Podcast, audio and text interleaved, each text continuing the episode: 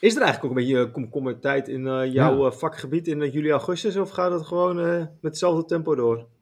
Nee, de komkommertijd is in de media, maar de wetenschap gaat gewoon door. Maar zie je wel dat het qua publicaties en zo, dat is, zit daar nog gewoon nee, dat gaat voor gewoon door. na seizoen in bijvoorbeeld? Of nee, het komt gewoon nee, wanneer het klaar is en het wordt gepubliceerd? En, Ja, je dient het in en dan wordt het ooit eens geaccepteerd. En dan duurt het maanden voordat het dan eindelijk verschijnt. En je weet maar nooit wanneer. Maar nee, dat kan op elk Ja. moment.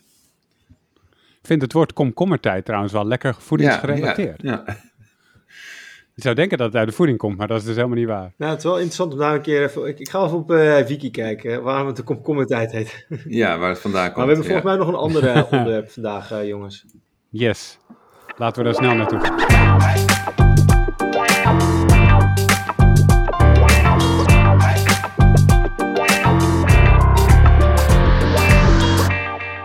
Hey, welkom bij een nieuwe aflevering van een podcast over voeding. In deze podcastserie gaan we in op de wetenschap achter voeding en laten we wetenschappers aan het woord over allerlei thema's die met voeding te maken hebben. Bart Mol van I'm a Foodie, zoals altijd, is er weer bij. Hoi Bart. Ja, hey, goedemorgen jongens. En eh, het is weer woensdag. We hebben weer een eh, lekker broodje Jaap eh, voor je. Eh, Jaap Seidel hebben we daarvoor nodig. Hoi Jaap. Goedemorgen.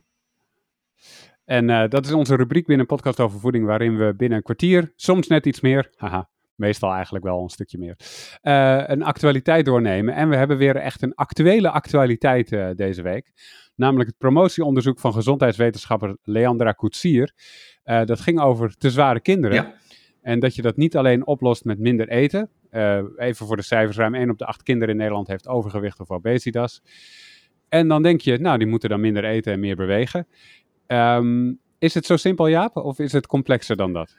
Ja, dat is veel complexer en daar gaat ook dat proefschrift over. Eh, het is overigens een proefschrift eh, in een samenwerking waar we al heel erg lang mee, eh, mee worstelen met betere zorg voor kinderen met overgewicht en obesitas.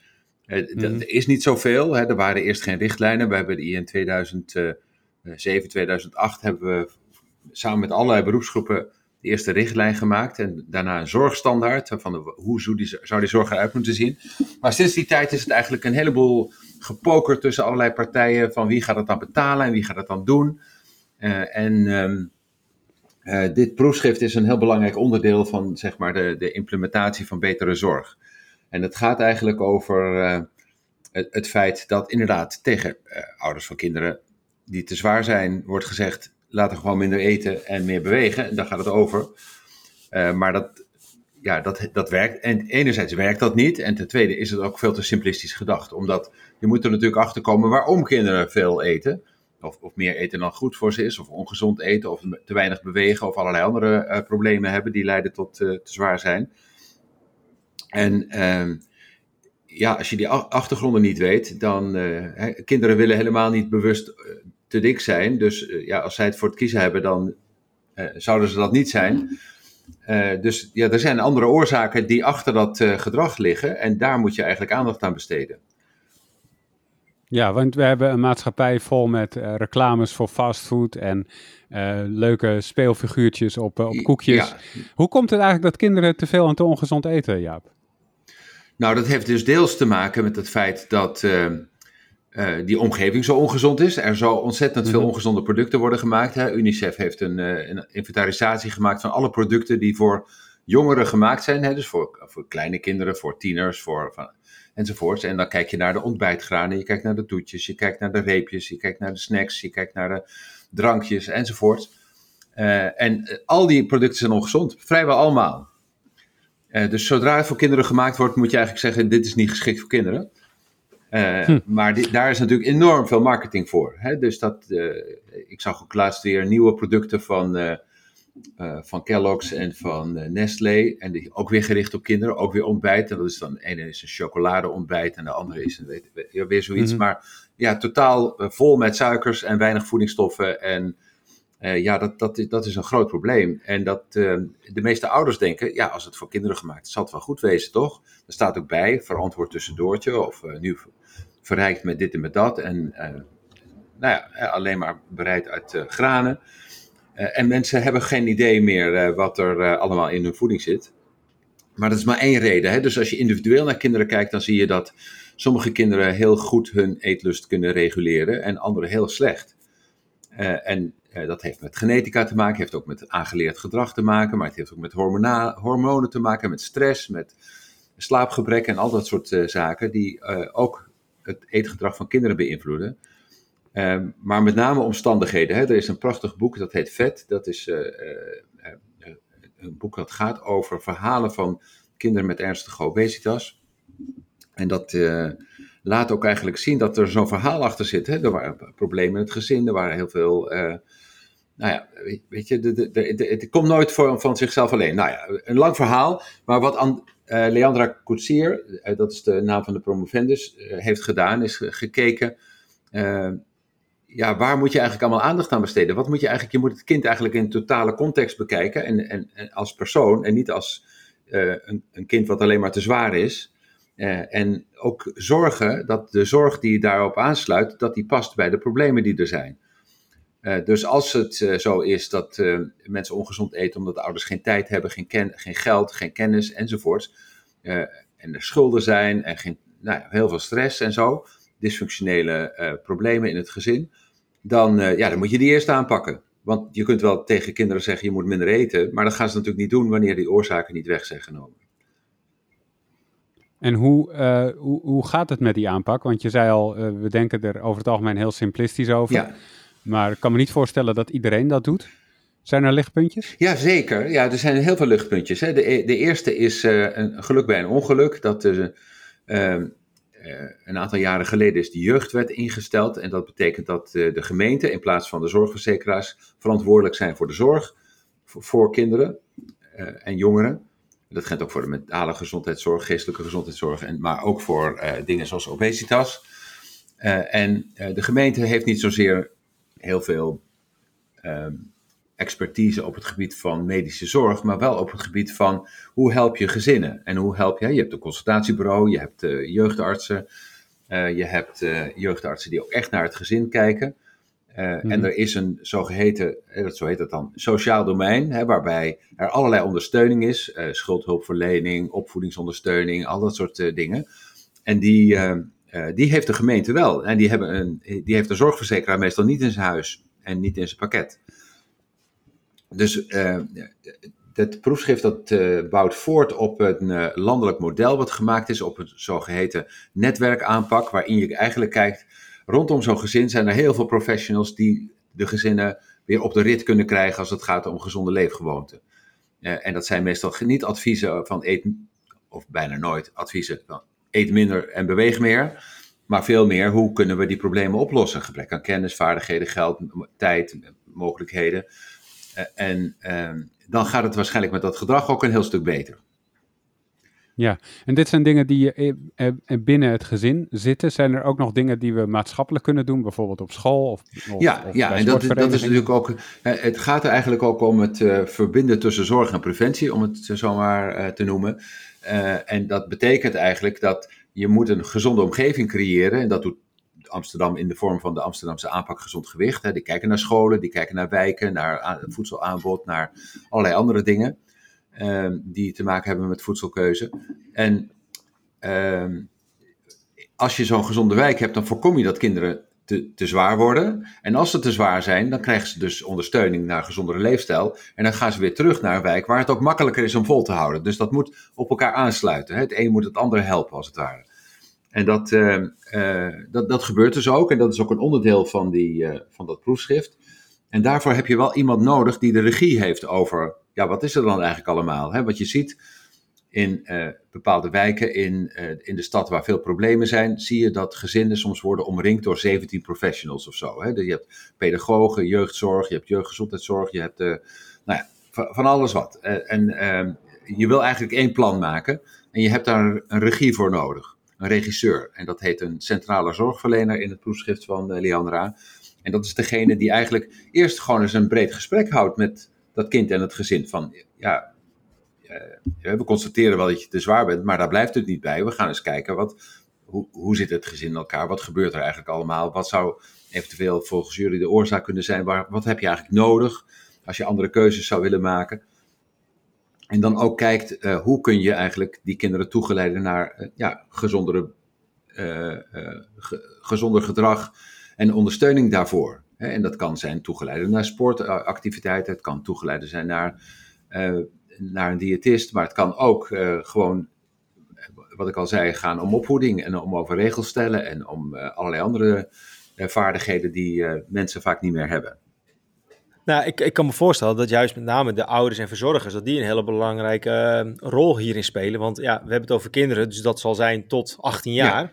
Even wet, uh, wettelijk gezien. Ja, dus dan gaat het toch ook wel een bepaalde kennis. Want als die ouders inderdaad allerlei voedingsmiddelen misschien voor ja, koken en doen, of daar ook geen kennis uh, van hebben. Dus het, is, het, lijkt me dat het wel een heel ingewikkeld traject is van, het zijn de kinderen die misschien de gevolgen hebben van dat ze dan te dik zijn. En want op zich, aan het dik zijn, dat is soms ook nog een soort van stigmatiserend, toch? Dat, dat mensen daardoor, ja, ja, ja, dat ja, daardoor uh, uh, ja. dat, dat ze dik zijn doordat ze een ongezond leefgewoonte hebben. In sommige gevallen zie ik het ook wel in mijn eigen omgeving uh, gebeuren. Dat bijvoorbeeld een broer of een, zusje, dat die hartstikke slank is. Dus dat wordt gezien als gezond. Het broertje misschien wat dikker is. Terwijl dat misschien ook wel gewoon zijn setpoint is. Misschien in dat moment van zijn leven. Dat het weer ja, recht groeit, om het zo te zeggen. Maar uh, Bart, je hebt helemaal, helemaal gelijk. Het, de, de, aandacht ligt natuurlijk op het, uh, op het systeem rondom het kind. Hè? Dat zijn dus ouders, verzorgers, maar soms opa en oma. En soms ook de, uh, de school of de kinderopvang of, enzovoort. Hè? Dus daar uh,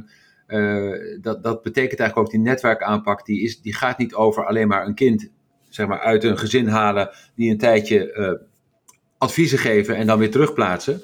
Het gaat er eigenlijk om dat dat systeem uh, mee moet. En, en, en het lijkt er wel op, ja natuurlijk voor hele jonge kinderen is het obvious, hè, tussen, tussen 0 en 4 jaar natuurlijk bepalen de ouders alles wat, wat die kinderen eten. Daarna krijgen kinderen op allerlei andere plekken ook voeding. En krijgen ze, eh, worden ze verleid tot ongezonde keuzes. En, maar ook tieners, waarvan we altijd dachten, ja, die worden eigenlijk alleen maar beïnvloed door hun leeftijdsgenootjes hè, en uh, een, vriendenkring en dat soort zaken. Maar uh, daar blijken de ouders natuurlijk toch ook nog een hele belangrijke rol te spelen. En ja, ook die kinderen hebben dus heel weinig kennis, vaardigheden en mogelijkheden. Hè. Dat is ook een van de redenen waarom er een pleidooi is voor veel meer voedselvaardigheden voor kinderen. Nou, je moet het ergens doorbreken, want heel, veel ouders hebben die niet. Uh, de ouders hebben wel de verantwoordelijkheid, maar kunnen dan die verantwoordelijkheid niet, uh, niet, niet, niet, toepassen.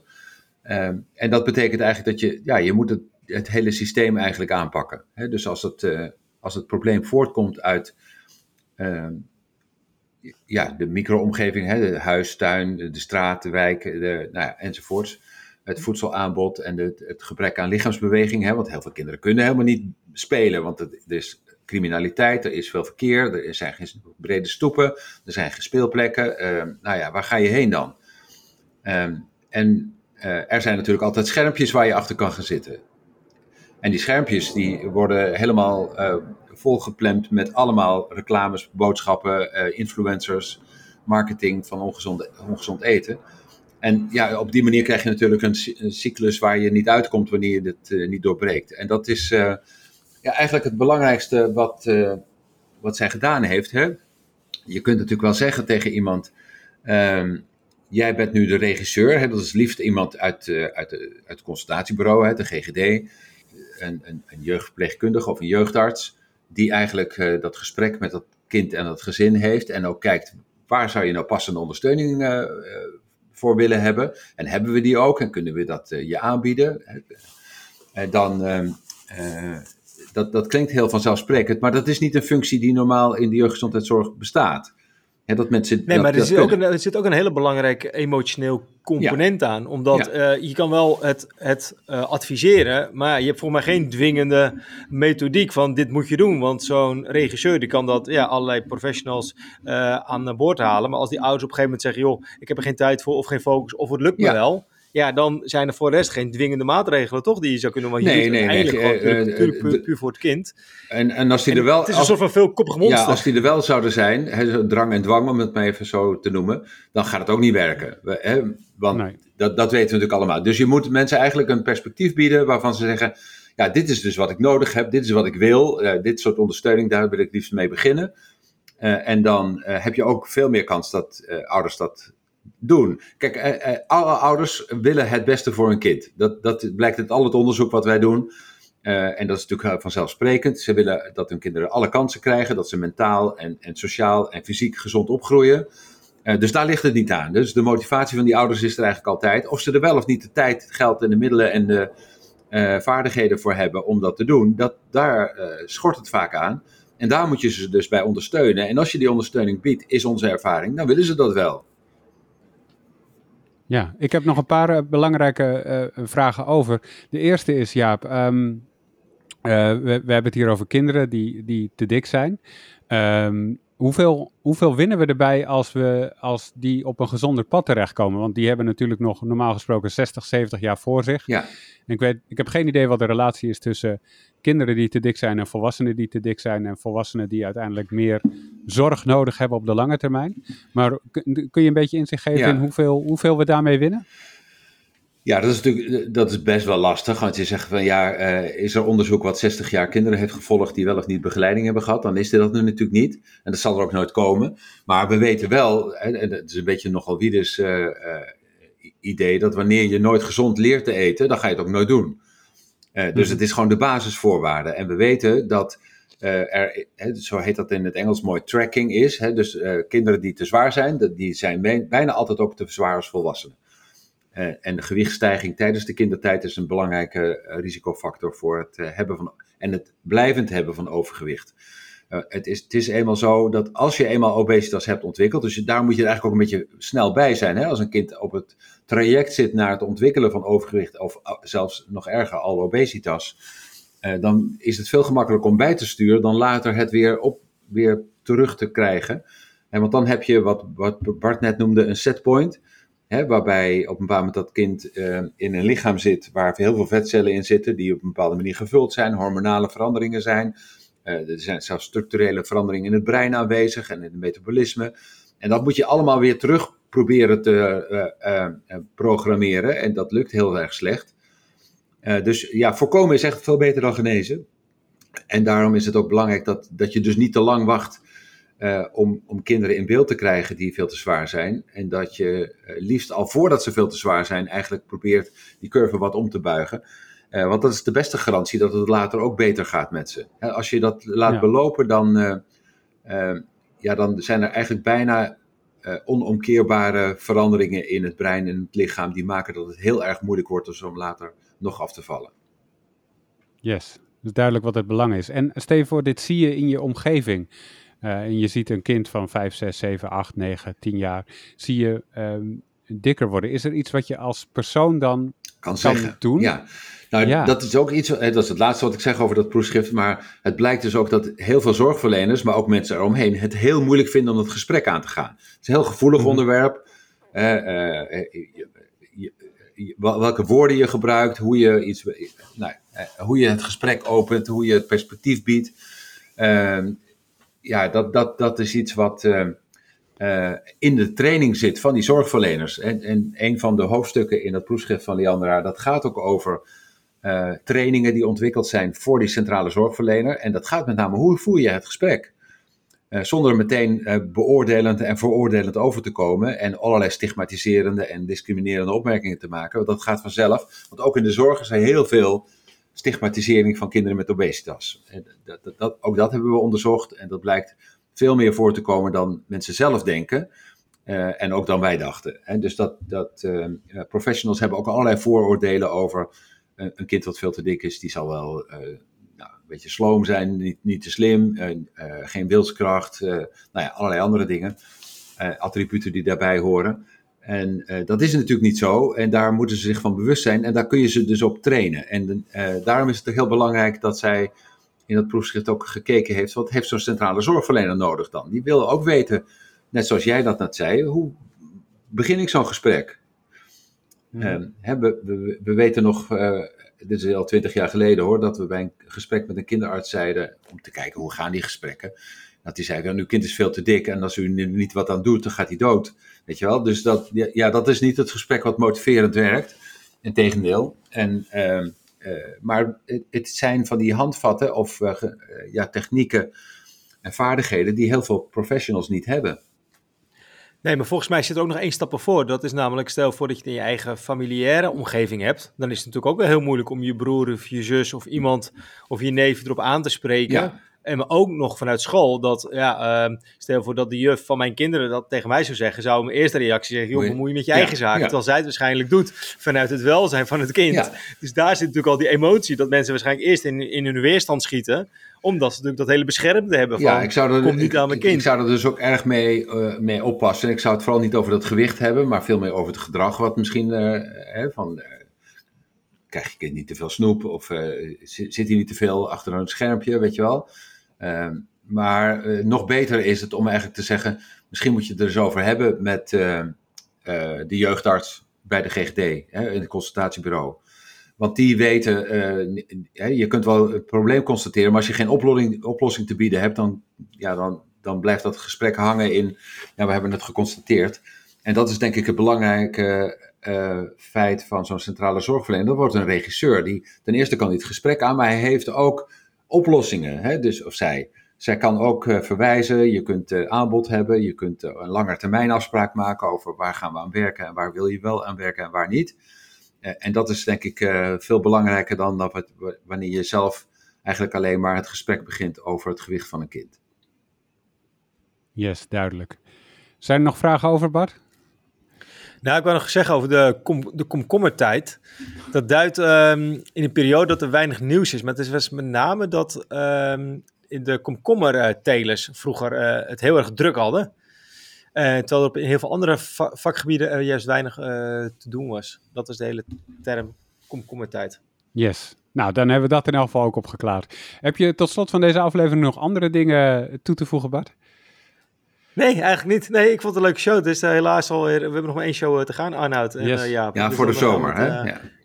Voor de zomer, ja, daarna komen we natuurlijk weer stuiterend terug. Maar nee, ik vond het interessant. Ja, ja, ja nee, niks, niks, niks toe te voegen, Arnoud. Dat is het antwoord. Helemaal goed. Nou, ik wil nog wel even zeggen, steun ons. dat mag financieel vriend van de show.nl slash POV. Dan kunnen wij nog meer leuke shows maken zoals deze. Um, en je kan ons sterretjes geven, dat is helemaal gratis in je podcast-app. Liefst vijf, maar uh, wees gewoon eerlijk, dat is het handigst. Um, en laat een recensie achter, dat helpt anderen ook om ons te vinden. En hoe meer luisteraars, hoe meer beter wij dat natuurlijk, uh, natuurlijk vinden. Ja. Rest mij om jullie te bedanken voor ja, deze week. Kan ik nog één ding zeggen? Ja, kind Zeker. naar gezonder gewicht, dat is eigenlijk het, uh, het project waar het over gaat. Dat is nu van Jok. Het, het, is ooit begonnen uh, onder leiderschap van Jutka Halberstad en, en, een heleboel andere mensen die daaraan gewerkt hebben. Uh, dit even om ook dit in perspectief te zetten. Hè. Het is niet iets wat ik doe met een promovendus, maar er is een heel team bij. Uh, en dit wordt echt ook verder gebracht door allerlei verstandige mensen. Yes, dat is een goede context om nog even te plaatsen. Dankjewel Jaap voor deze week. En dankjewel Bart. Yes, dat was me genoeg jongens. Jij dankjewel voor het luisteren en tot volgende week. Later!